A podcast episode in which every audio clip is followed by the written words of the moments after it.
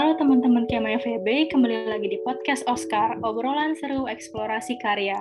Bersama gue Lisa dari Departemen Keilmuan, bakal nemenin kalian untuk podcast hari ini.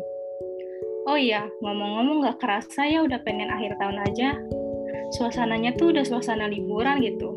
Kayaknya tiap hari kita tuh ngeliatin kalender sambil ngitungin kapan sih semester ini selesai. Makanya teman-teman, semangat untuk sisa semesternya, semoga kita semua diberikan hasil yang terbaik di akhir semester nanti. Amin, amin ya robbal alamin. Tapi hari ini gue gak bakal ngebahas tentang liburan nih, karena kita bakal kedatangan teman cerita yang bakal sharing-sharing pengalamannya ke kalian semua.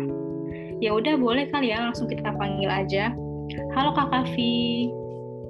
Halo halo teman-teman semua. Halo juga Lisa. Apa kabar? Halo, baik nih Kak. Kalau Kak Kavi apa kabarnya nih?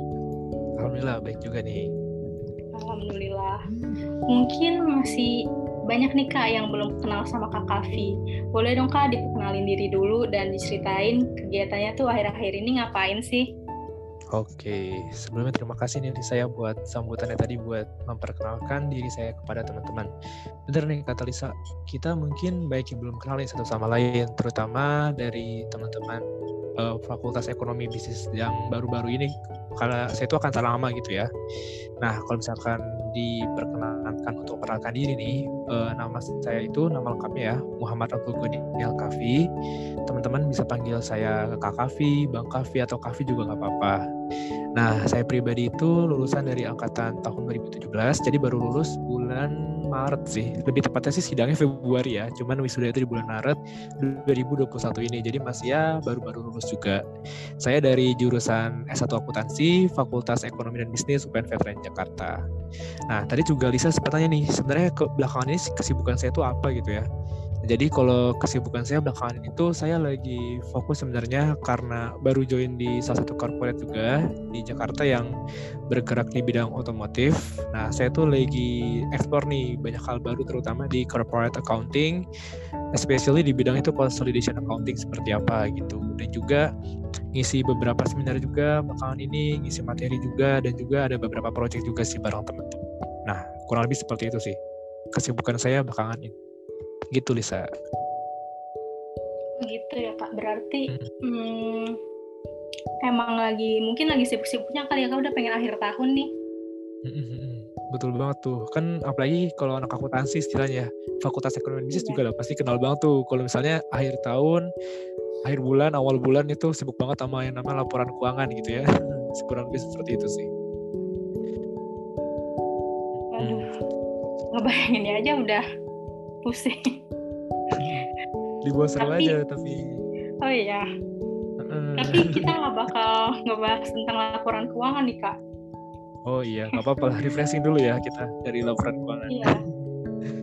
Oke oke. Boleh boleh. Karena episode karena untuk episode kali ini itu uh, judulnya adalah The Journey to Marah The Journey to Mardika. Jadi kita tuh bakal cerita-cerita nih perjalanan Kak Kavi selama kuliah sampai lulus terus berhasil dapat penghargaan Mardika. Ya udah boleh, boleh kali boleh. Kak kita langsung cerita cerita aja nih. Ayo ayo. Uh, Belum mulai cerita nih Kak, aku pengen hmm. ngutip nih salah satu uh, judul bukunya Simon Sinek. Dia hmm. bilang di bukunya itu always start with why. Boleh nggak sih Kak diceritain awalnya setelah lulus kuliah nih kenapa sih Kak Kavi tuh uh, milih untuk kuliah di UPN dan milih jurusan akuntansi atau memang sudah target gitu dari SMA atau ada alasan yang lain boleh nggak Kak diceritain? Oke, ini pertanyaannya menarik banget sih. Kalau misalkan kilas balik itu sebenarnya agak panjang. Kenapa? Uh, my own decision buat nentuin jurusan ini gitu ya, akuntansi gitu. Nah sebenarnya kalau misalkan buat ditarik itu sebenarnya waktu itu saya memfokuskan itu sejak SMP bahkan. Jadi waktu itu pas SMP kayak ada uh, biasa lah ya kalau misalkan anak-anak remaja itu kayak uh, sempat kayak di tengah kebingungan kira-kira nanti SMA yang mau ngambil SMA apa jurusannya mau jurusan apa gitu kan. Jadi waktu itu saya sempat konsultasi gitu sama guru sama teman-teman juga gitu kan. Nah waktu itu kebetulan juga saya tuh pengen banget itu masuknya adalah kebetulan SMA SMA-nya jurusannya pengennya tuh ambil IPS gitu. Nah cuman waktu itu karena satu dan lain hal keluarga itu lebih menyarankan kalau gimana kalau masuk SMK aja gitu kan. Uh, dan juga jurusannya karena waktu itu alhamdulillah gitu kan secara akademik terutama uh, saya itu dilihat oleh para keluarga saya dan juga guru saya tuh ilmu eksaknya dalam tanda kutip nih uh, bisa dibilang ya memumpuni gitu kata mereka gitu kan. Nah akhirnya bidang-bidang hitungan gitu. Nah kalau misalkan SMK gimana kalau SMK akuntansi aja gitu. Nah akhirnya waktu itu alhamdulillah kan pas UN dapat peringkat 10 besar juga. Waktu itu sempat nyari tuh beberapa SMK di Jakarta dan kebetulan itu masuk ke SMK 6 Jakarta gitu. Nah masuk ke SMK 6 Jakarta waktu itu ngambil jurusan akuntansi. Jadi fokusnya emang udah akuntansi gitu.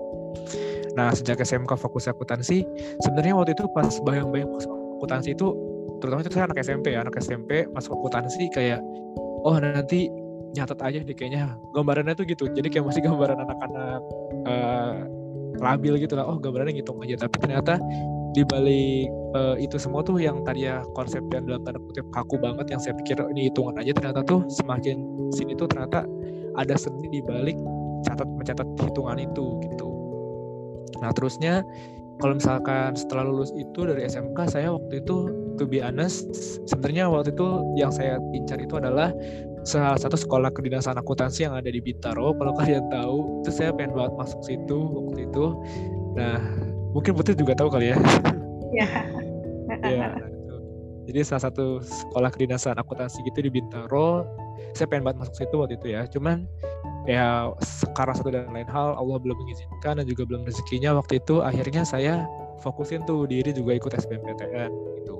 Waktu itu sempat ikut beberapa kali tryout dan juga waktu itu uh, pas ikut tryout itu teman saya lihat kan skornya gitu. Teman saya bilang kenapa nggak daftar unpad aja atau daftar UI aja? gitu kan. Nah tapi saya tuh kayak konsiderasi saya atau pertimbangan saya itu adalah uh, saya pengen masuk akuntansi yang akreditasi itu A gitu kan. Nah dan juga kalau misalkan keluar kota gitu pasti bakal ada kos tambahan.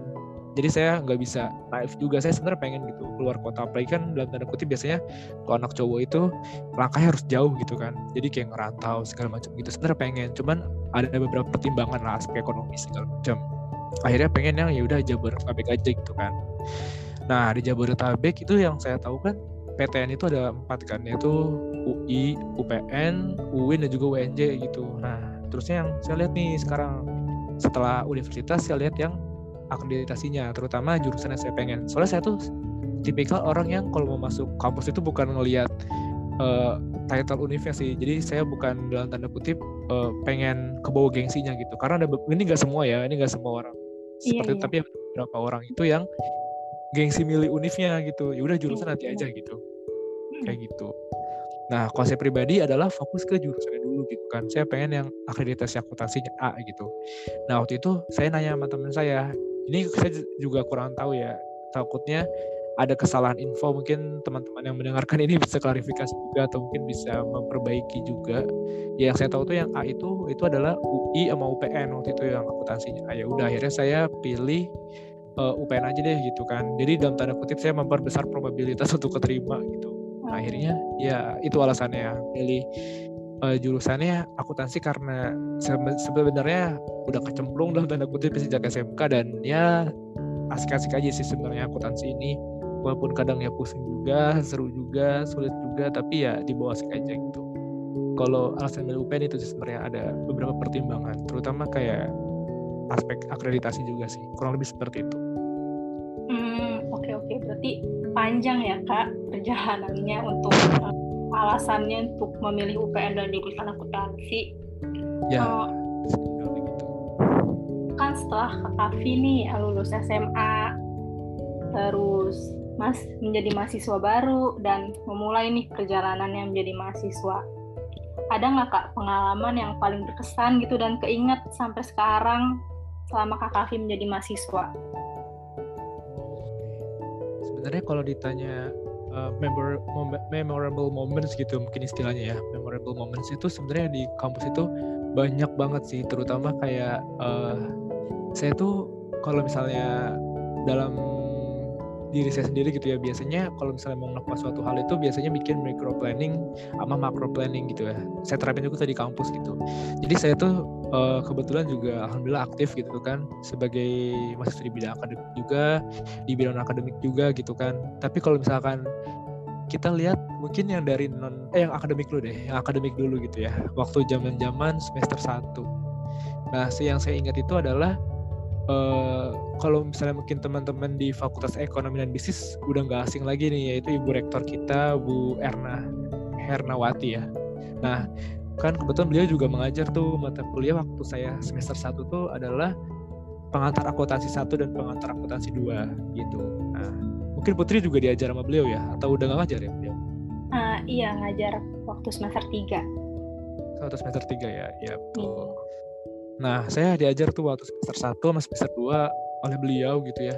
Nah, saya tuh ingat banget uh, karena alhamdulillah gitu ya kebetulan basic saya tuh adalah SMK-nya akuntansi gitu nah atau accounting gitu. Nah, jadi saya udah tahu beberapa konsep akuntansinya. Nah, waktu itu pas Bu Erna Hernawati itu ngajar kalau Bu Erna ngejelasin soal gitu ya, saya tuh mungkin merasa kayak ini kayak kurang seret gitu deh. Dari pemikiran saya pribadi ya jadi kayak merasa ini kayak kurang seret atau ini kayak kurang oh. bener gitu. Oh, nah jadi saya gitu ya kak? Hmm, jadi saya misalkan angkat tangan saya saya maju ke depan saya nggak benerin Bu Erna. Bu Erna tuh mungkin kayak pas denger tuh kayak harusnya nggak kayak gini kamu dapetnya dari mana? Saya, saya jelasin kayak bu saya boleh minjam spidolnya nggak? Saya saya jelasin di bawah tulis. Waktu itu pas saya kalau inget-inget kayak berani juga ya gue padahal kan dia rektor gitu kan tapi menurut saya selagi saya benar dan itu menunjukkan kebenaran ya itu nggak apa-apa gitu kan. Takutnya juga teman-teman saya dan juga saya jadi ke bawah gitu kan. Daripada nanti baru taunya di ujung. Jadi itu juga menurut saya sarana untuk diskusi juga. Dan kebetulan setelah itu beliau tuh orang yang sangat terbuka juga sih alhamdulillah. Dan juga uh, nggak anti kritik orangnya. Jadi kalau misalkan ada kritik atau ada masukan beliau pertimbangkan lagi. Oh ini benar gitu. Nah makanya kalau uh, bisa cerita juga Bu Erna itu sampai sekarang tuh sangat ingat saya bahkan waktu pas penyerahan uh, hadiah Mahardika kan itu diwakili oleh Bu Wakil Rektornya gitu ya. Hmm. Nah dan salah satu asistennya tuh sempat cerita juga Bu Erna tuh uh, masih mengingat saya sampai saat ini. Ini salah satu momen yang beliau kenang tuh adalah itu. Saya sering banget tuh pas semester 1, semester 2 kayak gitu. Oh, keren banget kak. Sebenarnya lebih ke rebellion ya atau agak berandal oh, juga iya. itu yang salah satu yang saya oh, berarti pengalamannya tuh seru juga ya kak pengalaman kayak gitu. Seru Terus, juga. Iya kenapa? Oke kak kan udah nih kak cerita tentang pengalaman nih. Uh, terus kan yang aku tahu nih Kak Kavi kan ngikutin banyak lomba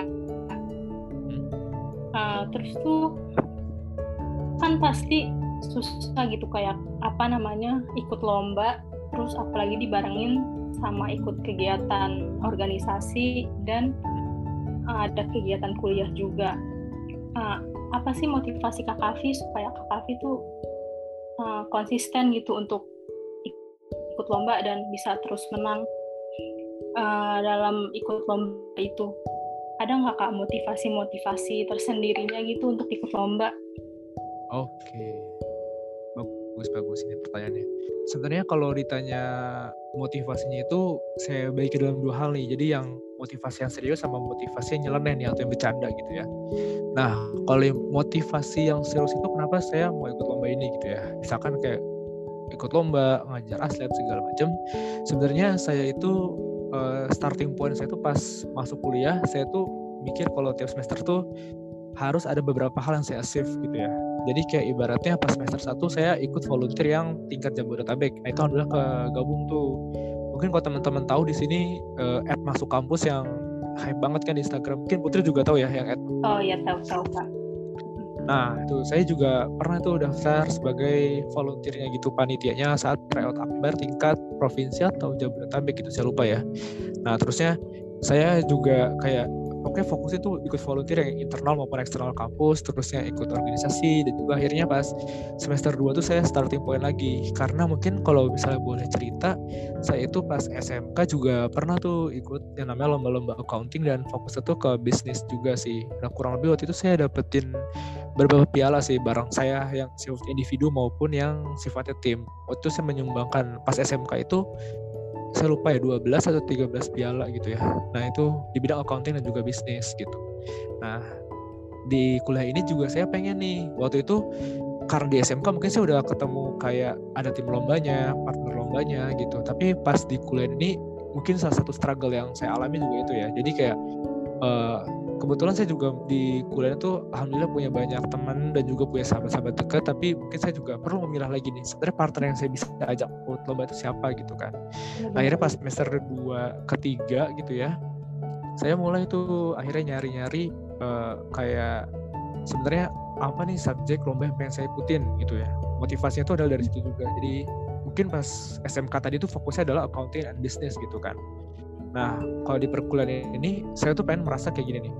Uh, saya akan nanti akan uh, punya kayak future jobnya itu jadi ya dunia keuangan lah ya, baik itu accountant atau bisa jadi auditor atau segala macam gitu ya. Saya harus punya hard skill dan juga soft skill gitu ya. Nah, itu salah satu motivasi saya. Jadi saya mau itu adalah punya hard skill sama soft skill. Mungkin kalau hard skillnya saya dapetin dari ikut kelas gitu kan uh, masuk beberapa dosen gitu untuk ngajar di bidang accounting atau ekonomi segala macam gitu ya. Nah dan juga mungkin uh, hard skillnya juga saya dapat dari saya ngajar asisten laboratorium kebetulan dan juga uh, buka beberapa kelas buat kalau mau ujian semester gitu atau ujian tengah semester. Saya sering buka kelas gitu kan. Nah di samping itu saya juga pengen nih punya soft skill. Akhirnya saya merasa kalau oh di dunia perkuliahan itu sering banget nih ada lomba-lomba itu yang karya ilmiah gitu kan. Nah akhirnya waktu itu saya nyoba tuh pertama kali yang individual competition buat yang uh, di kalau nggak salah Bank Indonesia waktu yang ngadain atau Genbi gitu saya lupa ya yang tingkat di Jakarta. Akhirnya tuh kayak my first ever competition di dunia perkuliahan dan waktu itu alhamdulillah belum menang. Jadi waktu itu kompetisi pertama belum menang. Tapi alhamdulillah waktu itu masuk 10 besar sih akhirnya uh, saya termotivasi lagi nih. Sebenarnya apa sih sebenarnya kelemahan dan juga kayak yang harus saya tingkatin? Akhirnya waktu itu saya sempat DM gitu pemenangnya. Kalau nggak salah dari pertama itu Universitas Pertamina kedua UGM saya lupa sih pokoknya uh, saya DM salah satu pemenang itu saya minta kayak contoh papernya saya baca segala macam. Akhirnya waktu itu saya discuss tuh sama teman saya.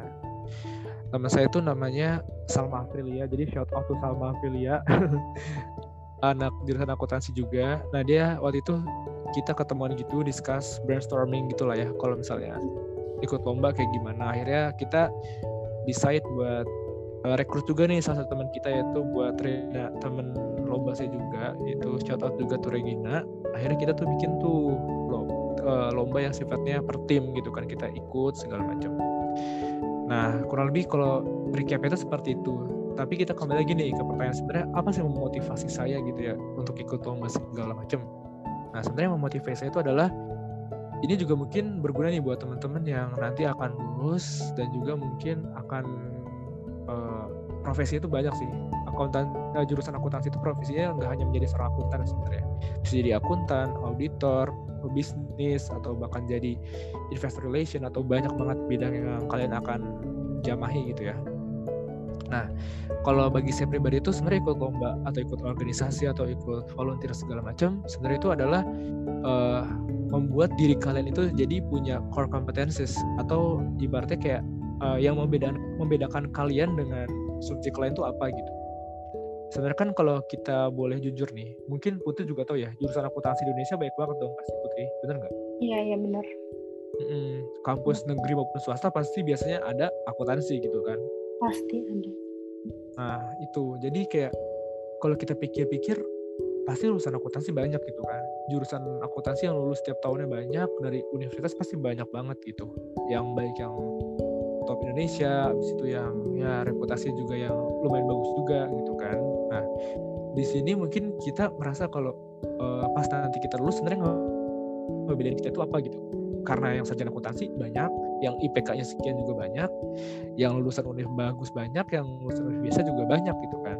Nah jadi apa yang ngebedain kita gitu ketika lulus? Nah waktu itu saya motivasi ada seperti itu. Jadi kayak oh, sebelum saya lulus saya punya bekal pernah ikut ini nih uh, organisasi ini misalkan pernah ikut volunteer ini terusnya pernah uh, magang di company ini company ini gitu kan. Terusnya punya IPK sekian pernah punya pengalaman asisten laboratorium pernah punya kompetensi lomba gitu kan jadi ada beberapa juara yang pernah saya torehkan gitu. Itu salah satu motivasi yang uh, saya pegang waktu itu dan sampai sekarang sih dan juga ke depannya insya Allah.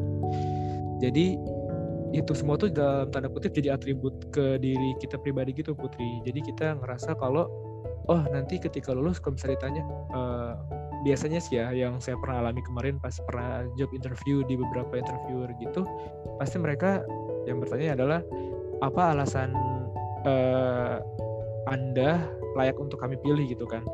Nah pasti salah satu alasannya itu. Jadi kalau misalkan kita ngejelasin saya bisa ini bisa ini pasti mereka akan nanya nih buktinya apa gitu? Dan keunggulan ada secara pribadi itu apa? gitu. Nah itu menurut saya jadi kayak salah satu argumen kuat kenapa waktu itu saya aktif uh, mengikuti lomba ikut organisasi ini menjadi laboratorium segala macam selama masa perkuliahan gitu. Nah terus mungkin kalau itu kan alasan serius nih. Tadi saya di awal bilang ada alasan serius ada alasan yang nyeleneh nih. Nah kalau alasan yang nyelenehnya itu adalah waktu itu saya bertiga nih ya. Saya partner saya itu sama April dan juga Regina adalah pengen keliling Indonesia naik pesawat gratis. Jadi, jadi salah satu motivasinya gitu. Uh, karena ju jujur nih kalau waktu zaman lomba yang offline gitu ya. Dan semoga sih nanti uh, semoga Indonesia lekas membaik juga kondisinya untuk pandemi ini segera mungkin pulih juga semoga ya. Nah kalau selama lomba offline itu kita seru tuh. Jadi kayak kita naik pesawat ke kota mana ke pulau mana ketemu univ di Indonesia gitu. Banyak banget itu keseruannya yang kita alami. Salah satu yang motivasi kita tuh adalah itu sih kurang lebih seperti itu Putri. Apa namanya? Pas tadi denger jawaban Kak Kavi aku tuh hmm. jadi kebuka gitu. Aku kan ikut lomba hmm. juga kan ya Kak? Hmm, hmm, betul betul. Tapi uh, kalah nih Kak kan ya hmm. dan setelah kalah tuh kan tadi Kak Kavi bilang Kak Kavi kalah dan Kak Kavi nanya gitu ke pemenangnya uh, nge-DM itu uh, nanya-nanya tentang lomba itu dan kalau aku itu pas kalah aku merasa kayak kayaknya emang aku nggak bisa deh ikut lomba kayak emang mungkin kita harus uh, ngerubah cara pandang kali ya kak. Hmm, betul Putri. Jadi mungkin seperti ini ya. Kadang tuh kalau misalkan kita uh, ikut lomba gitu ya nggak serta merta pas uh, pertama kali ikut langsung menang gitu. Mungkin yang orang-orang lihat gitu ya baik selama saya ikut kompetisi yang zaman zaman sekolah dulu maupun zaman zaman kuliah yang orang lihat itu adalah yang keberhasilan saya capai gitu. Nah jadi orang lihatnya kayak uh, mungkin selama ini saya menang menang menang gitu saya. Tapi mungkin di samping misalnya contohnya aja ya misal contoh gitu. Di samping 10 kemenangan itu ada kayak 30 kegagalan yang saya udah lewatin gitu. Mungkin ya hmm. menangnya 10 tapi gagalnya 30 gitu. Jadi mungkin uh, kalau misalnya di fase yang tadi mungkin Putri alami dan juga saya pernah mengalami sebelumnya kalau misalnya teman-teman ngerasa pas sekali lomba dan gak menang kayak the, the motivation is a normal things for us gitu ya. Cuman bagaimana kita nge-treat kalau misalnya pas nggak menang itu gimana untuk bangkit gitu mungkin kayak abis itu kayak demotivasinya itu kayak yaudah deh jaga diri dulu ya lomba itu nggak apa-apa sih sebenarnya jaga sementara waktu. Cuman abis itu introspeksi lagi sebenarnya kayak kita nggak asif itu atau nggak menang itu karena apa gitu. Atau mungkin seperti Putri yang bisa rasakan juga kayak eh, nggak uh, cocok di lomba itu misalnya atau mungkin cocoknya di lomba yang lain itu nggak apa-apa gitu. jadi eksplor aja. Jadi kayak ya nyari-nyari cocokan itu yang mana tapi kalau misalkan di suatu waktu udah merasa cocok dan juga udah kayak ketemu titik yang pas gitu nah fokusin diri kalian itu di bidang itu gitu. Jangan setengah-setengah gitu. jadi banyak belajar ekspor terus develop terus di bidang itu. Kayak gitu Putri. Jadi itu ya kak motivasinya dan cerita-cerita kak Kavi uh, selama ikut lomba pas kuliah. Uh, terus yeah. kan kak Kavi uh, apa namanya selama kuliah tuh juga pernah ikut uh, program ya kak program yang diadain sama salah satu company hmm. ya kan uh, aku sebut aja kali ya kak programnya. Boleh boleh. Iya, uh, program Astra Counting Academy ya kak. Mm, betul. Nah, dan setahu aku itu kan yang daftar banyak banget ya kak. Mm, dan yang keterima itu sedikit. Mm. Dan uh, aku tuh juga pernah kan ya kak ikutan program yang diadain suatu company gitu kan yang uh, pesertanya banyak gitu dan aku nggak pernah lolos. Mungkin banyak nih kak teman-teman uh, kema yang kayak aku gitu kan nyoba nyoba tapi nggak pernah lolos gitu. Uh, kalau dari kak Kavi nih strateginya tuh gimana sih kak? Kayak ngelewatin persaingan yang ketat itu dan bisa lolos gitu di antara persaingan itu. Terus apa namanya? Uh, pasti kan kalau program itu uh, untuk lolos banyak tahap-tahapnya ya kak. Oh iya betul betul. Uh, menurut kak Kavi itu tahap-tahap tahap apa yang paling susah dan yang seharusnya tuh kita fokusin ke tahap itu gitu loh supaya lolos. Boleh nggak kak diceritain selama iya selama perjalanan kak Kavi uh, untuk lolos di program Astra Accounting Academy itu? Oke oke. Jadi sebenarnya kalau boleh saya cerita sekilas mungkin ya Astra Accounting Academy itu adalah program yang diadakan oleh divisi salah satu divisi di Astra yaitu Corporate Finance and Accounting. Jadi ada program khusus magang itu di divisi kita gitu ya. Nah, di situ saya itu tergabung di Class of 2020. Jadi yang pas angkatan 2020 gitu. Pas zaman saya skripsi tuh. Saya awal-awal skripsi waktu itu uh, agak metal juga gabung di program magang itu dan alhamdulillah rezeki juga sih. Nah, jadi kalau misalkan Putri bilang gitu ya, sebenarnya uh, bagaimana untuk saya bisa join di program itu? Sebenarnya ini uh, kalau saya terapin adalah uh, suatu konsep yang saya selalu saya insya Allah terapin sampai sekarang dan juga terus menerusnya ke depannya di hidup saya itu adalah harus ada doa, harus ada usaha, harus doa lagi, ada tawakal lagi gitu kan. Nah, jadi kita pertama mungkin dari ketiga elemen itu ya, tadi kan harus ada doa, usaha, doa, dan juga tawakal. Nah, pertama dari elemen doa, eh, doanya dulu gitu ya. Nah, saya tuh selalu uh, beranggapan ketika kita memulai sesuatu itu harus percaya sama Allah Subhanahu Wa Taala. Uh, bagaimana kalau misalkan kita melakukan suatu ikhtiar itu nanti harus dibarengi dengan keyakinan gitu bahwa ini tuh niatnya untuk apa gitu kan. Nah itu harus teman-teman paku juga nih di pikiran kalian bahwa niatnya teman-teman mau gabung ke suatu program baik itu internship atau gabung ke uh, sebagai full timer atau kerja gitu ya. Nah itu harus tahu tuh namanya itu seperti apa dan juga panjatkan doa seperti apa. Dan juga harus yakin ketika kalian berdoa itu insya Allah doa kalian itu akan dikabulkan oleh Allah Subhanahu Wa Taala. Terusnya aspek yang kedua nih yaitu adalah aspek terkait dengan usahanya atau ikhtiarnya. Nah sebenarnya kalau ikhtiar ini uh, di samping kalau takdir itu semua udah ada, tapi kita juga harus ada nih yaitu takdir yang kita usahakan juga atau kita ikhtiarkan gitu. Nah ikhtiar di sini yang saya lakukan adalah pertama waktu itu sebenarnya benar banget Putri bilang itu kalau peserta yang waktu saya itu banyak banget yang daftar gitu kan dan yang lolos waktu itu cuma 14 orang sehingga saya 14 sih jadi waktu itu ada dari UPN, dari Universitas Indonesia juga, dari UGM, dari Universitas uh, Erlangga, terusnya Universitas Pajajaran dan juga uh, Perbana Surabaya, singkat saya. Jadi itu 14 orang dari beberapa kampus di Indonesia. Dan kita waktu itu sebenarnya kalau misalkan mau diceritakan tahapan seleksinya itu mungkin garis besarnya ya uh, karena tiap tahun bisa beda-beda nih gitu ya. Tapi kurang lebih ya sama sih sebenarnya program magang yang saya rasa terusnya saya compare nih sama teman saya yang di company ini company ini kurang lebih sama sih seleksinya. Pertama mulai dari seleksi berkas lalu ada seleksi psikotes juga lalu seleksi technical test. Karena kita dari accounting kan itu bakal dites banget tuh technical test habis itu kayak biasa interview. Nah mungkin yang perlu dipersiapkan untuk tahapan pemberkasan atau kayak ibaratnya seksi administrasi gitu ya. Nah, kalau itu sebenarnya uh, kalau bisa saya boleh jujur gitu ya, biasanya pemberkasan itu mulai dari format CV segala macam. Mungkin kalian bisa cari itu di internet gitu ya, kalau format CV segala macam. Cuman yang menurut saya uh, penting juga atau primary pointnya itu adalah terkait dengan kontennya atau isi dari CV-nya gitu kan. Nah, CV-nya itu kontennya adalah terkait dengan ya itu tadi yang seperti saya bilang di awal tuh Putri jadi kayak yang jadi atribut ke diri kita itu seperti apa gitu. Kayak ya pernah ikut organisasi apa atau pernah dapat IPK berapa terus saya pernah jadi asisten lab atau seperti apa akademisnya gitu ya atau pernah menang lomba akademis maupun akademis. Jadi itu kayak jadi poin plus ketika HRD-nya baca nih karena itu kan uh, baik banget kan atau yang ngelamar pasti banyak banget. Nah cuman yang ibaratnya sesuai sama requirement atau persyaratan itu apa aja gitu gak banyak gitu. Nah makanya itu menurut saya pribadi karena saya tuh mungkin salah satu kesyukuran saya uh, selain di sisi rezeki yang Allah berikan itu ya jadi lolos seleksi administrasi lolos seleksi segala macamnya ada menurut saya tuh rezeki yang Allah berikan salah satunya juga adalah terkait dengan beberapa achievement saya gitu di CV itu jadi poin plus saya. Terusnya uh, pernah program magang juga gitu kan kalau nggak salah Putri juga ikut program magang juga sekarang ya. Iya.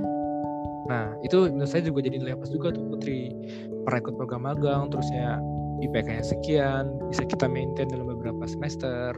Nah itu jadi poin plus juga tuh di CV saya. Nah, habis itu waktu itu psikotes. Nah, psikotes itu sebenarnya mungkin kurang lebih relatif sama lah ya di mana-mana. Kalau misalkan psikotes itu ya general bagaimana perhitungan, nalar segala macam, terus technical test. Nah, sebenarnya technical test ini agak nyambung nih sama yang tadi ntar maksudnya uh, tahapan uh, interview dengan user gitu ya. Interview hmm. itu dan psikotes dan salah satu kan tadi ada technical test nah si technical test ini agak nyambung dengan interview jadi si technical ini sebenarnya akan exercise atau bakal nguji terkait dengan bagaimana pemahaman kita terkait dengan konsep akuntansi.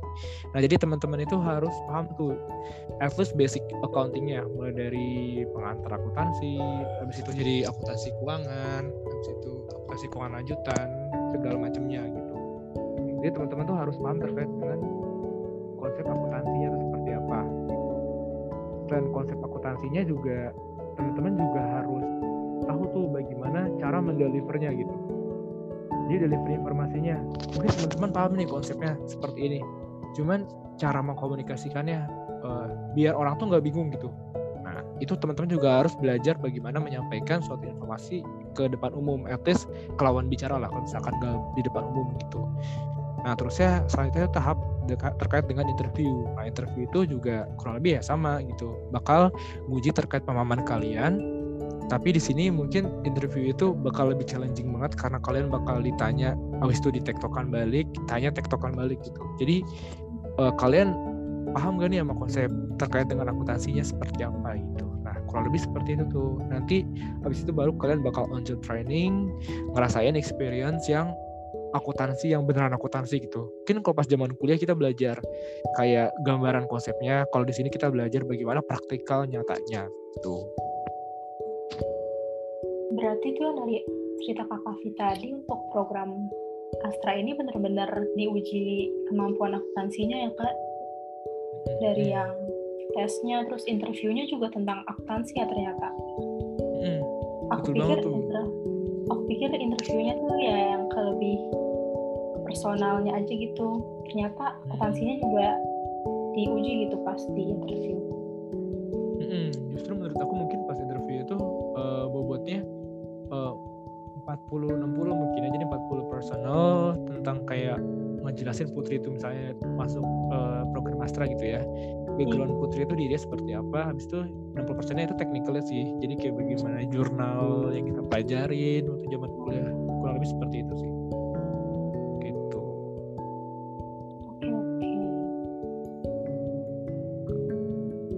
terus kita kan apa namanya program Astra Accounting ini tuh semacam magang gitu ya kak berarti? Iya betul. Jadi nanti kalian akan ditempatkan ke divisi accounting Astra gitu ya. Jadi nanti di dalam sana tuh ada bagian-bagian lagi. Cuma nanti kalau misalnya teman-teman penasaran, uh, semoga nanti tahun depan akan ada program ini lagi dan teman-teman mungkin yang tertarik daftar bakal tahu nih sebenarnya nanti akan ditempatin di mana. Kayak gitu. Kurang lebih di accountingnya sih. Oke oke kan tadi Kak Kavi uh, cerita nih kan pas ikut program Astra ini pas lagi skripsi. Hmm, betul. Terus setelah skripsi Kak Kavi uh, lulus. Dan hmm. setelah lulus uh, Kak Kavi udah masukin dunia kerja nih. Hmm, hmm Kalau dibandingin sama kuliah itu kan pasti beda ya Kak. Dari tanggung jawabnya beda, pressure-nya juga beda gitu. Ada pressure dari atas dari samping gitu kan. Nah, boleh nggak kak diceritain tuh transisi kak Kavi saat masih jadi seorang mahasiswa terus tiba-tiba menjadi seorang pekerja uh, ada apa ya culture shock gitu kak pas kak Kavi baru masuk ke dunia kerja? Oke sebenarnya ini mungkin dialami oleh para fresh graduate juga di luar sana dan sebenarnya saya juga benar-benar mengalami itu juga sih kayak culture shocknya terus saya kayak uh, transition dari jadi mahasiswa itu sendiri habis itu masuk jadi kayak pegawai kantoran atau jadi seorang accountant gitu kan. Saya benar-benar mengalami juga. Jadi waktu itu kan uh, tapi salah satu kesyukuran saya jadi saya nggak terlalu kaget-kaget banget karena pas uh, waktu itu skripsi berbarengan saya asisten laboratorium terus saya masih ada kayak 12 atau 9 SKS ya saya lupa masih kuliah gitu. Nah, saya tuh uh, masih time manajemennya dan juga masih ada lomba tuh itu semester 7 masih ada lomba. Jadi kayak masih belajar time management juga tuh. Nah, terusnya di samping itu juga didukung sama program magang. Jadi saya dalam tanda kutip nggak kaget gitu loh pas ke dunia kerja. Jadi kayak masih ada uh, apa ya memori-memori uh, apa ya vibes dunia kerjanya mungkin ya kurang seperti itu. Nah waktu itu kan saya selesai magang fokusin skripsi lomba juga saya udah mulai pensiun tuh waktu itu jadi sama teman-teman saya. Terusnya kalau nggak salah kan saya waktu itu selesai sidang itu tanggal 5 Februari 5 Februari 2021 terus saya, saya uh, seminggu ngambil revisi skripsi selesai habis itu kayak tiga hari setelah revisi saya masuk ke kerja ke satu ke salah satu kafe gitu di Jakarta waktu itu jadi saya jeda dari lulus ke kerja itu kurang lebih tiga hari itu waktu itu seingat saya uh, saya daftar kerja di KP. Nah terusnya itu kerasa batu pas di KP sih sebenarnya waktu di Astra belum terlalu kerasa. Alhamdulillah udah gak terlalu kerasa maksudnya ya. Waktu pas di KP itu saya ngerasa kayak mungkin pas kita skripsi saya ngerasa itu adalah kayak uh, waktunya fleksibel sebenarnya kerjaannya ya tiap hari ya kuliah ngajar skripsi gitu ya dan juga uh, timenya tuh lebih fleksibel gitu atau waktu lebih fleksibel. Saya bisa ngerjain skripsi jam 9 sama teman saya di Tebet atau bisa sorenya saya revisi di rumah atau mungkin malamnya saya revisi di rumah teman saya gitu. Itu fleksibel. Nah terusnya waktu itu juga saya merasa kayak waktu saya masih banyak itu mohon maaf gitu ya jadi kayak jiwa-jiwa pemikiran anak kecil masih ada gitu. Sebenarnya bukan anak kecil sih tapi jiwa pemikiran remajanya mungkin ya. Jadi kayak masih masih pengen main-main sama teman gitu. Nah waktu itu pas saya tuh ngerasa kayak uh, oh kok tiba-tiba waktu yang gue rasain jadi agak kepake ya. Soalnya kita karena masuk kerja mungkin jam 8 jam 9 pulang jam 4 jam 5 gitu kan ya atau lembur-lembur malam gitu kan. Iya. jadi kayak ibaratnya ya waktu kerja gue kok kayak nguras waktu gitu ya. Mungkin waktu itu kayak dalam tanda kutip uh, ada kayak penolakan dalam diri gitu gitu. Jadi kayak agak sedih kok waktu ini tuh jadi kayak nggak ada waktu jadi nggak ada gitu kan kepake sama kesibukan kerja. Hmm. tapi waktu itu kayak uh, sering cerita juga sama sahabat-sahabat sahabat deket saya dan juga kayak yang nonton ceramah gitu. Jadi kayak ngurangin rasa sedih atau rasa galau juga gitu kan. Habis itu ya ujung-ujungnya fokus lagi sih ke kerjaan dan kalau misalkan dia rasa culture shock ya salah satunya itu karena itu mungkin bukan culture shock ya tapi lebih ke transition gitu loh dari mahasiswa menjadi seorang pekerja. Cuman kalau terkait culture shock mungkin yang saya rasain adalah uh, kalau waktu kita zaman kuliah mungkin kita masih sering dibimbing mungkin ya walaupun gak se bimbing pas zaman sekolah gitu ya mungkin putri juga ngerasain kalau kita di kuliahan itu kita masih di dalam tanda kutip kayak masih dapat atau nunggu direction dari dosen kita atau ibaratnya asisten laboratoriumnya gitu ya. Yeah. Tapi kalau di kerjaan ini sebenarnya kita ada sih sebenarnya direction itu dari supervisor kita atau dari manajer kita gitu ya.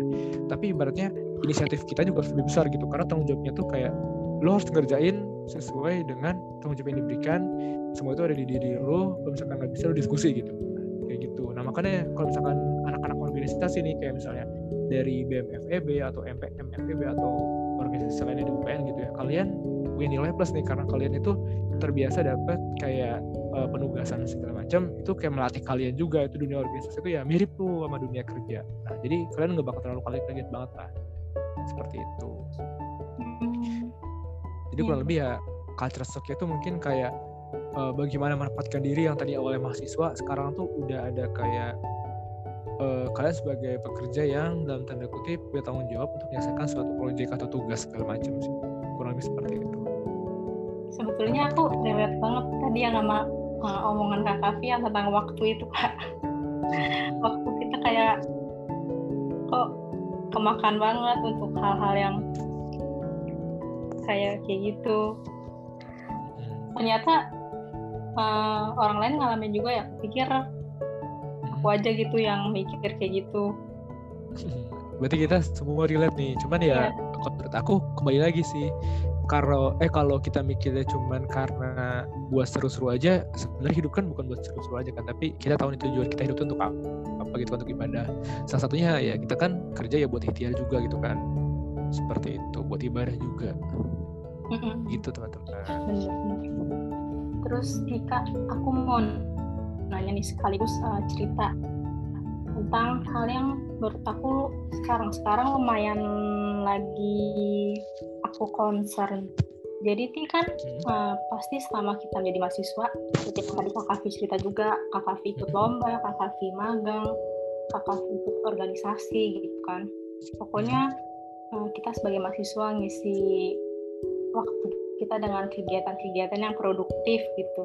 Hmm. tapi hmm, sekarang ya kak apalagi uh, online yang aku lihat dan aku ngerasain uh, kegiatan yang aku lakuin itu udah kayak termasuk yang negatif gitu loh kak dalam arti itu berlebihan gitu hmm.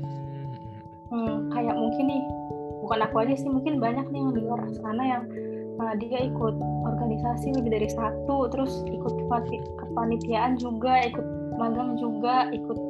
Ini juga gitu kan banyak pokoknya nah aku kan apa namanya sekarang nih yeah. untuk online kan sering nih kak kita meeting meeting online gitu kan hmm.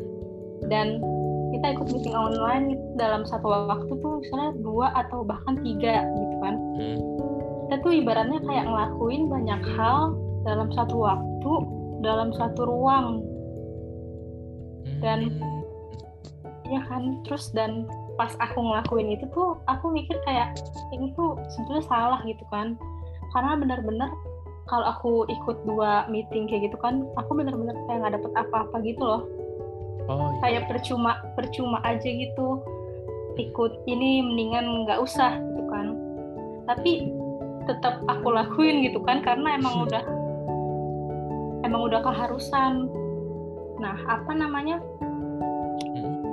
Berarti udah kayak merujuk ke produktivitas yang salah gitu kan ya kalau misalnya sekarang tuh namanya ada kan toxic productivity gitu hmm. Hmm.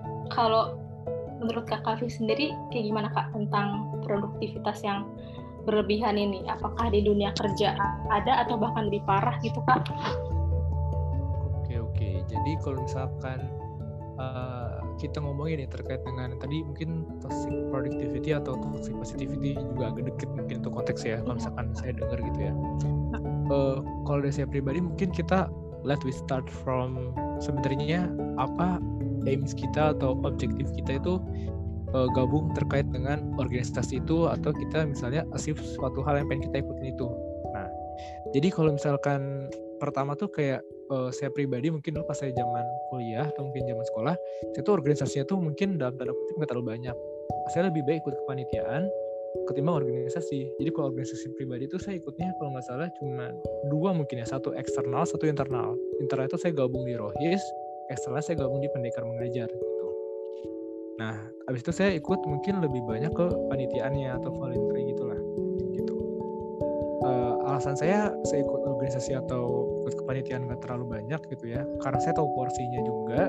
Saya juga tahu nih sebenarnya objektif saya gabungin itu apa gitu. Nah itu mungkin teman-teman juga perlu pertimbangkan jadi yang pertama itu jangan gabung organisasi atau kepanitiaan itu cuman karena ibaratnya prestisnya atau kayak uh, gengsinya. Abis itu karena kebawa omongan teman gitu. Kalau ah ikut aja ikut aja gitu. Diajak-ajak tapi kita kayak udah ikut. Terus di dalamnya jadi kayak merasa kayak ini bukan tempat gua banget nih gitu. Atau mungkin ini harusnya gua nggak di sini gitu kan.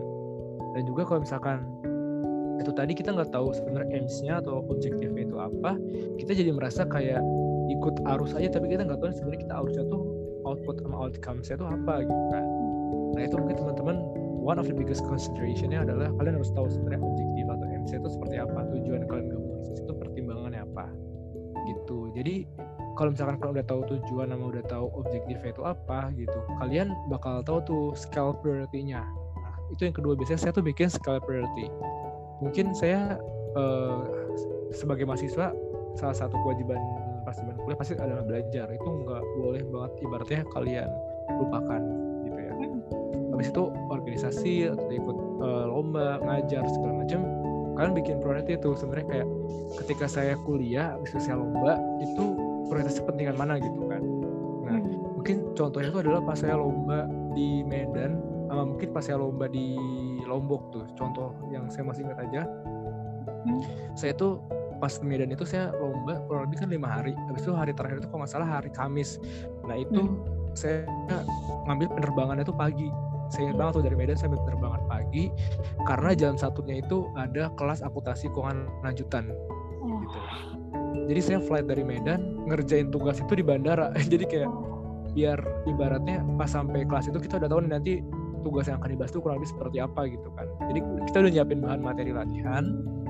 Habis itu kita bawa, bawa koper kopernya nitip di kontrakan teman kita kita masuk kelas gitu. Karena kita tahu prioritas kita adalah kuliah gitu kan. Oh. dan di samping ikut lomba dan juga hmm. waktu itu saya juga tahu nih pas saya lomba di Medan pas saya pas saya lomba di Lombok mohon maaf ya lomba di iya. Lombok waktu itu hmm. saya kan flight dari Lombok itu harusnya bisa siang atau bisa sore tapi saya ingat banget karena jam siangnya tuh saya kan pulang hari Selasa kalau nggak salah siangnya tuh saya hmm. ngajar lab laboratorium akuntansi gitu kan hmm. nah jadi waktu itu saya pas dari penerbangan Lombok ada waktu transit di Denpasar kurang lebih dua setengah jam apa dua jam gitu ya saya lupa transit nah itu pas transit saya jadinya sambil bikin pembahasan laboratorium gitu kan saya kan sebagai asisten laboratorium kan yeah. nah jadi saya tahu tuh prioritasnya saya lomba dulu habis itu nanti nyiapin materi buat uh, labnya gitu kan Nah jadi itu tadi kalian selain tahu prioritasnya, kalian bisa menjadwalkan tuh. Jadi kalian nggak keteteran sendiri gitu. Jadi kayak waktu istirahat kalian tetap harus kepake, tapi harus tetap produktif gitu. Bukan jangan kayak semua dijelin dalam satu waktu, tapi nggak tahu nih sebenarnya apa yang mau dikerjain duluan gitu. Jadi kayak ibaratnya kayak numpuk semua, tapi nggak dikerjain semua ujung-ujungnya gitu. Yeah. Kayak gitu.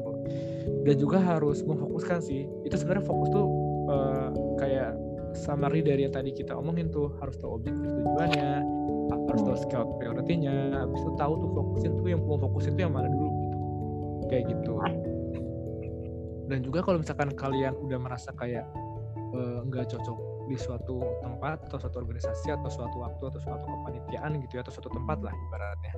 Kalian tuh jangan takut buat kayak decide oh ini kayaknya gue udah uh, bukan batas toleransi gue lagi nih berarti kayak risk toleransi udah gue nggak bisa toleransi lagi nih gitu. Kalian nggak jangan takut tuh untuk decide cuman decide-nya itu jangan make a temporary decide saat kalian itu berpikiran kayak kebawa emosi gitu. Kalian harus dengan kepala jernih kalau misalkan kalian mau berpikir untuk melanjutkan atau untuk berhenti gitu jangan tahu untuk memutuskan dan ya menurut saya pribadi kalau misalkan contoh tadi case-nya Putri gitu kalau misalnya lagi meeting dua-duaan gitu ya kalau menurut saya pribadi itu tadi itu berhubungan sama fokus juga dan berhubungan sama prioritas gitu. Jadinya yang di sini nggak didengerin dan di sini nggak didengerin ujung-ujungnya itu tadi kan seperti saya bilang kalau malah nggak dapat dua-duanya gitu kan substansinya tuh apa gitu. Nah, kurang lebih seperti itu kalau misalkan tadi related juga kalau di dunia pekerjaan sebenarnya uh, kurang lebih kayak gitu apa enggak sih? Gitu bang.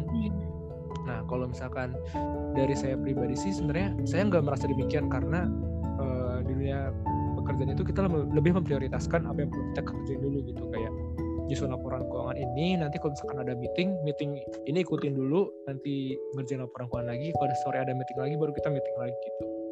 Jadi kayak sebenarnya tanggung jawabnya besar kalau pas dunia kerja pekerjaan juga tentunya lebih banyak tapi kita tahu nih kapan kita perlu memprioritaskan gitu lebih menurut saya pendapatnya. Terima kak. Oke kak. Jadi kayak gitu ya kak pandangan kak Kavi tentang uh, masalah yang aku ceritain tadi. Hmm, betul. Mungkin karena uh, ini ya sih kak karena mungkin online jadi kayak kita tuh mikirnya ah ini bisa dikerjain ini bisa dikerjain kayak gitu kak jadi kayak makin lama berpikir kayak gitu makin banyak dirinya yang kita kerjain dan nggak ujung-ujungnya tumpuk aja itu tugas-tugasnya. Ah iya iya betul ya. Jadi kalau jadi malah kayak nggak kekerjain semua gitu ya ujung-ujungnya bisa. Iya. Mm -mm, jadi kayak berpikirnya tuh karena ah bisa nanti di rumah kok ada waktu luang. Ya kayak gitu aja gitu. Berputar putar sama masalah itu aja terpenting itu harus tahu prioritasnya dulu ya kita kerja nah, terus nih kak kalau kita balik lagi nih ke, uh, ke tema kita ke judul kita nih tentang perjalanan uh, Kak Kavi selama menjadi mahasiswa terus lulus dan uh, mendapatkan penghargaan Mardika nih. Hmm. Kalau misalnya yang dari aku lihat nih kak, hmm. yang sebagai orang luar gitu, perjalanan kak Kavi tuh pas jadi mahasiswa, menang lomba, terus uh, pas lulus juga kerja di suatu company yang lumayan gede, itu kayak too good to be true gitu. Tapi kan itu kan apa yang aku lihat aja gitu sebagai orang luar.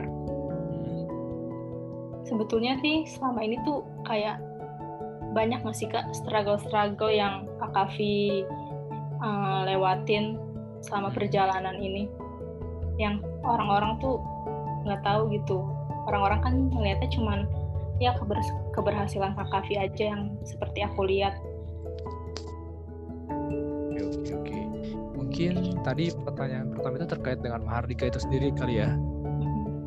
Nah, kalau misalkan terkait dengan Mahardika, terusnya yang saya rasakan terkait dengan beberapa hal yang saya achieve sebenarnya kalau kata orang-orang itu good to be true, but I guess it's really not gitu ya kalau misalkan mungkin kalau bisa diceritain. Iya. Mungkin kalau saya pribadi tuh saya bukan tipikal orang yang uh, suka mengumbar masalah mungkin ya atau kayak misalkan lagi kayak there's a lot of problems yang saya hadapin gitu terus saya bilang-bilang ke sosial media gitu atau saya bilang ke orang kayak uh, eh, gue lagi kayak gini nih uh, eh dunia harus tahu banget nih gue lagi ada suatu keterpurukan yang ibaratnya dahsyat banget yang gue alamin. Saya bukan tipikal orang yang seperti itu karena menurut saya pribadi, saya tipikal orang kalau misalkan ada masalah ya ada stream atau ibaratnya jalur yang bisa saya lakukan gitu ya. Minta sama Allah, cerita sama Allah, minta solusi sama Allah gitu ya. Di samping itu saya komunikasikan juga ibaratnya sama keluarga saya dan juga saya sering banget juga cerita sama sahabat-sahabat dekat saya gitu kayak saya sering main ke rumah mereka terus saya minta uh, pendapat mereka tukar cerita minta didengerin atau diskusi segala macam sama mereka juga gitu ya. Nah itu mungkin yang uh, bagaimana alasan kenapa mungkin orang melihatnya kalau ya karena saya fan fan aja karena saya nggak mau ngobar masalah yang besar itu ke sosial media gitu ya. Nah ada juga mungkin kalau struggle yang saya alami pasti ya banyak banget kali ya. Tapi mungkin saya juga nggak mau dalam tanda kutip mengadu nasib. Setiap orang tuh kayak uh, there has eh, they have their own problem gitu loh. Jadi kayak semua orang punya masalah mereka sendiri dan juga pasti level masalah beda-beda gitu ya. Cuman kalau dari saya pribadi ya pasti banyak gitu uh, struggle yang saya alami untuk membentuk saya seperti ini. Kayak contohnya aja kalau mungkin yang orang lihat kayak wih kafe enak banget gitu ya. Uh, uh, menang lomba bisa uh, ikut program magang ini bisa ikut aslab bisa akademiknya stabil ikut organisasi juga tetap jalan gitu ya. Mungkin di samping itu kalau cara gampangnya aja gitu secara logika di samping waktu yang 24 jam itu waktu itu saya itu sama saya kan kebetulan saya tuh kalau misalnya ke masjid atau ke mana-mana zaman dia saya suka gerombolan tuh sama anak-anak cowok ya. Nah sama teman-teman saya gitu. Karena suka dibicarain tuh. Jadi kayak bikin diagram-diagram gitu mereka nunjukin diagram gitu. Kalau uh, biasanya kalau orang pinter uh, nggak bergaul gitu. Nah, terus saya kalau misalkan orang yang bergaul pasti mereka nggak pintar. Cuman oh, iya. kalau kata mereka orang pintar bergaul. Ini dia bukan manusia gitu. Nah saya sering bercanda gitu tapi saya merasa kayak ah enggak gue belum pintar kok gue juga masih belajar. Soalnya saya merasa saya belum menjadi orang yang pintar dan hmm. mau terus belajar gitu ya. Itu sebenarnya bahan bercandaan aja gitu. Nah habis itu mungkin yang bisa dilihat dari situ adalah salah satu struggle-nya adalah uh, saya mengurangi atau decreasing waktu istirahat saya mungkin. Kayak uh, tidur yang mungkin lebih malam ya bangunnya tetap jam kayak jam 3, jam setengah 4 gitu kan. Hmm. Nah, jadi mungkin mungkin waktu istirahat yang di decreasing itu salah satu struggle yang saya alami. Sebenarnya bukan struggle sih tapi itu adalah ibaratnya kayak risk tolerance lah. Itu kayak risiko yang bisa kita toleransi seperti hmm. apa. Nah, seperti itu. Dan habis itu mungkin kayak waktu main saya juga gitu. Kalau misalnya uh, sebenarnya waktu itu ini yang lebih saya alami pas SMK kali ya. Jadi kayak saya tuh intens banget pas lomba segala macam gitu. Pernah kayak mungkin saya dua minggu atau berapa ya saya lupa. Itu intens banget belajar gitu di ruang kepala sekolah. Sampai ada pensi an anak adik kelas atau anak angkatan saya gitu pak ada ribut di lapangan saya sama teman saya nggak tahu gitu kayak ah emang habis ini kejadian apa tadi ya? Karena itu mungkin salah satunya karena uh, waktu bermain saya itu tersita untuk persiapan lomba. Mungkin habis itu kayak ya pas lomba selesai ya tetap bisa main lagi ya, bisa uh, hangout lagi bisa ikut kajian lagi atau uh, ibaratnya main lagi diskusi lagi lah gitu. Mungkin struggle yang saya alami itu. Dan juga kalau terkait Mahardika sebenarnya uh, kalau boleh saya uh, sebut mungkin pas dari saya awal masuk bahkan pas sampai dapat Mahardikanya saya itu sebenarnya nggak terlalu dalam tanda kutip yang ngejar banget Mahardika gitu. Iya. kayak mungkin ada beberapa teman saya yang saya tahu mereka layak dan uh, mereka layak Mahardika itu dan mereka tuh mengejar-ngejar gitu bukan mengejar sih sebenarnya. Objektifnya mereka tuh dapat itu gitu. Oh, nah kalau saya pribadi tuh justru saya bukan tipikal orang yang dapat gelar wisudawan terbaik wisudawan terbaiknya itu terusnya saya bisa achieve ini dan jadi title saya gitu. Kalau misalkan nanti kayak seorang A, seorang lulusan UPN terbaik angkatan sekian. Saya bukan mau mendapatkan title itu, tapi uh, yang saya pandang adalah kalau misalkan gue pribadi pengen ngejar-ngejar Mahardika, berarti gue tuh compete-nya itu sama orang gitu atau gue tuh kompetisi sama orang gitu. Nah, karena saya pribadi memandang kalau saya tuh berkompetisi itu sama diri saya pribadi gitu. Kalau misalkan, oke, okay, Vi lu kemarin udah menang lomba di sini. Gue tentang diri lu pribadi sekarang Vi ayo ikut lomba ini. Saya berkompetisi sama diri saya sendiri gitu ya. Dan juga kalau misalkan saya merasa oke okay, ini udah bisa materi ini udah bisa ngajar ke teman-teman nih saya salah berlomba sama diri saya pribadi gitu bukan saya berkompetisi sama orang lain cuman kalau saya berkompetisi sama orang lain jadi kayak orang asif ini saya harus asif lagi itu buat motivasi nggak apa-apa cuman kadang kalian jadi kayak toxic positivity berpikiran kalau orang lain seneng ngerinya adalah kalian berpikiran kayak Eh, nggak uh, suka gitu atas kesenangan itu. Cuman kalau kalian berkompetisi sama diri kalian pribadi, kalian bisa mengalahkan diri kalian sama diri kalian sebelumnya itu. Nah itu jadi achievement atau plus point tuh. Nanti kalau kalian udah benar-benar bagus, sebenarnya tanpa kalian menunjukkan kepada orang lain akan tahu gitu. Nah contohnya kayak pas uh, saya dapat beberapa achievement itu dan waktu itu bahkan pas Mahardika itu saya nggak propose diri saya untuk maju ke Mahardika. Waktu itu tiba-tiba kepala jurusan bilang kalau nama saya masuk dan tinggal isi form segala macam dan ya dan alhamdulillah lulus gitu. Nah, Allah memudahkan jalannya. Jadi itu pribadi mungkin yang saya ingat adalah pas dari awal mungkin saya nggak terlalu ngejar-ngejar Mardika tapi saya fokus sama uh, yang pengen saya achieve saya mengalahkan diri saya sama diri saya yang sebelumnya being a better person nah terusnya yang saya alami adalah saya tahu nih achieve saya pas dapat Mardika ini bukan cuma sekedar title tapi beneran punya historis sendiri dan juga punya ibaratnya ya kompetensi yang beneran ada di Mardika itu gitu. Nah itu sih kurang lebih kayak uh, histori saya hingga dapat Mardika itu pribadi bahkan pas terakhir pas pidato dan juga pemunculan video Mardika saya gitu. Yang saya syukuri sih itu. Jadi saya bukan fokusnya adalah berkompetisi sama orang lain, tapi saya fokus untuk bagaimana bikin diri saya pribadi itu secara secara pribadi lebih baik ketimbang diri saya sebelumnya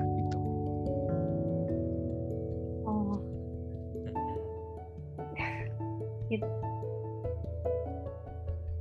jadi apa namanya mahasiswa itu bukan target utama kakak ya hmm. ibaratnya itu kayak apa ya Putri mungkin bonus kali ya atau oh, iya. ibaratnya kayak uh, hadiah yang kita terima atau perjalanan atas perjalanan diri kita selama ini itu perkuliahan, ngajar, lomba segala macam hadiahnya tuh itu gitu di ujung. Oh. Lebih seperti itu. Kan tadi Kak Kavi udah ceritain nih uh, apa cerita Kak Kavi tentang uh, mendapatkan penghargaan Mardika. Terus nih Kak, sekarang kita berimajinasi dulu nih. Kalau misalnya nih uh, Kak Kavi bisa balik lagi ke masa Kak Kavi masih menjadi mahasiswa baru misalnya, apa yang Kak Kavi bakal perbaikin gitu dari kakak uh, diri Kak Kavi yang dulu atau hmm. nggak hmm. ada yang pengen Kak Kavi perbaikin karena Kak Kavi udah puas gitu dengan diri Kak Kavi. Oke, mungkin kalau misalkan boleh perbaiki, uh, saya sebenarnya orangnya tipikal yang kurang suka berandai-andai gitu jadi kayak oh, iya. coba aja coba aja gitu iya. cuman karena pertanyaan ya saya akan terima challenge ini mungkin yang saya akan perbaiki adalah uh, oh iya jadi zaman dulu pas mos itu adalah pas apa ya akuntansi itu kalau salah namanya mabim mungkin ya. So, yeah. kalau saya nggak salah ini namanya mabim. Yeah, apa ppkmb jurusan gitu saya lupa gitu ya. Hmm. nah jadi waktu itu kita dibikin beberapa kelompok terus kita dibikin sarana diskusi gitu kayak oh. kayak each person itu harus deliver diskusinya. Waktu itu adalah uh, jadi setiap kelompok itu kalau nggak salah satu angkatan saya kan 260 sekian ya. Terus dibikin 10 mungkin isi 26 orang gitu nah tiap kelompok. Itu maju perwakilan tiga tiga tuh. Nah terus pas kelompok saya saya tuh orangnya adalah pas diskusi biasanya saya jadi leader gitu. Kayak oke okay, teman-teman kita ada masalah ini. Kira-kira masing-masing kan ada diskusi nggak ya? Saya tanya satu-satu nih. Nah terusnya udah selesai diskusi ujung-ujungnya suruh maju. Kan tadi harus tiga orang. Ya yang maju saya sendiri. Yang lain nggak ada yang mau maju kan. Ya udah akhirnya saya maju sendiri melawan kelompok lainnya tiga orang.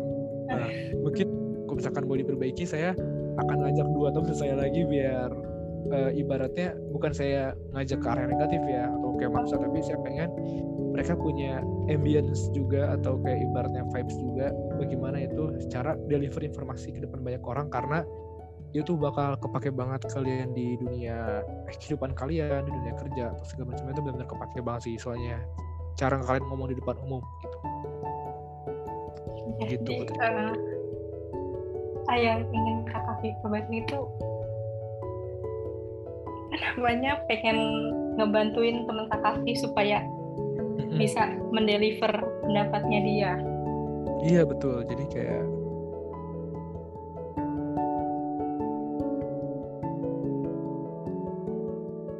jadi kalau kita sukses ya ajak-ajak orang lain juga untuk sukses gitu. Masa hmm. seperti itu. Oke. Okay. uh, udah apa namanya kita udah cerita.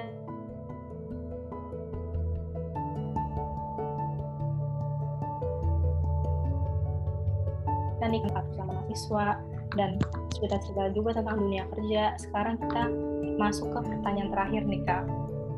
Ya, bukan pertanyaan sih sebetulnya kayak permintaan kali ya.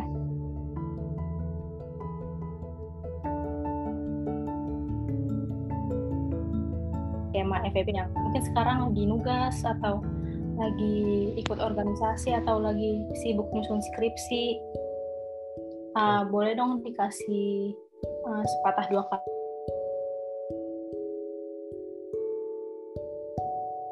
kata ini juga juga sih yang saya alamin tadi pas sebenarnya pas jalan pulang uh, kawasan SCBD tuh kalau saya teman-teman yang lagi sering lihat juga di sosial media ya iya. kawasan SCBD nah tadi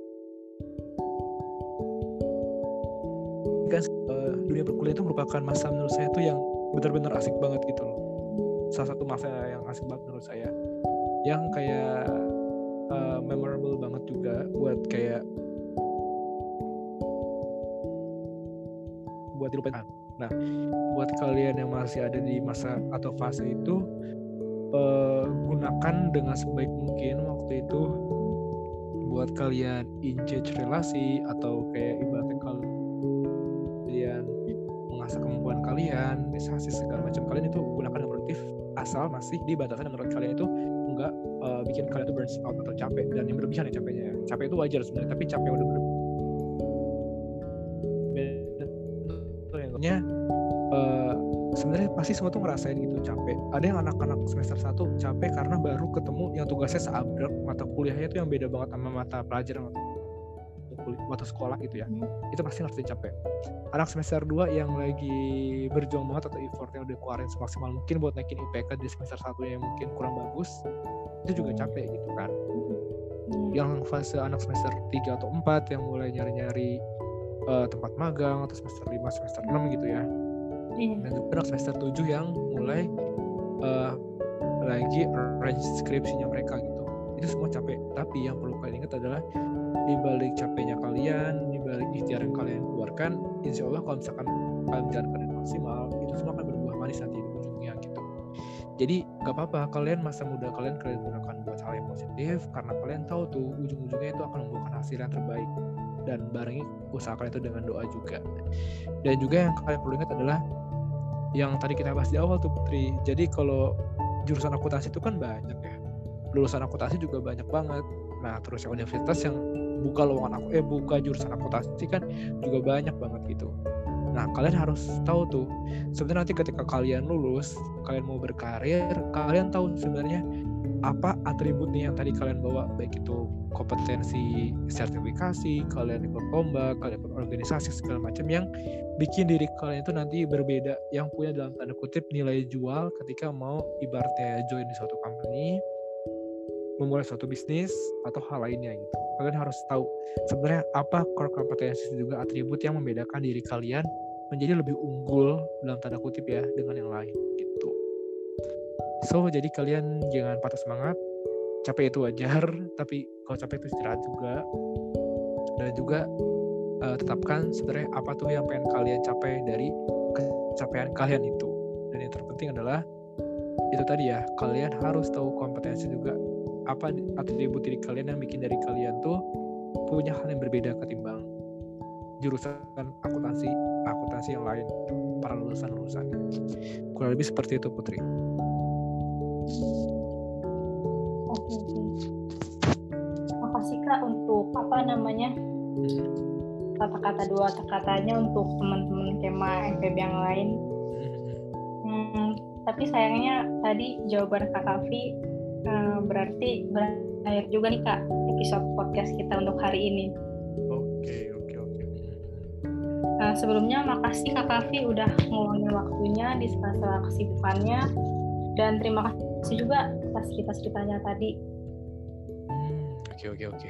Makasih juga buat teman-teman. Semoga atas sharing kita hari ini uh, akan bermanfaat juga buat teman-teman dan juga menjadi jadi bahan uh, perkembangan juga buat saya ke depannya bahan instruksi juga buat saya ke depannya dan juga yang penting adalah tetap semangat dan juga stay healthy juga teman-teman. Amin. Terima kasih kak doanya. Uh, terus thank you juga buat teman-teman Kema yang udah ngedengerin podcast ini sampai akhir. Uh, sampai jumpa di episode selanjutnya. Dadah. Dadah. Terima kasih teman-teman. Terima kasih teman-teman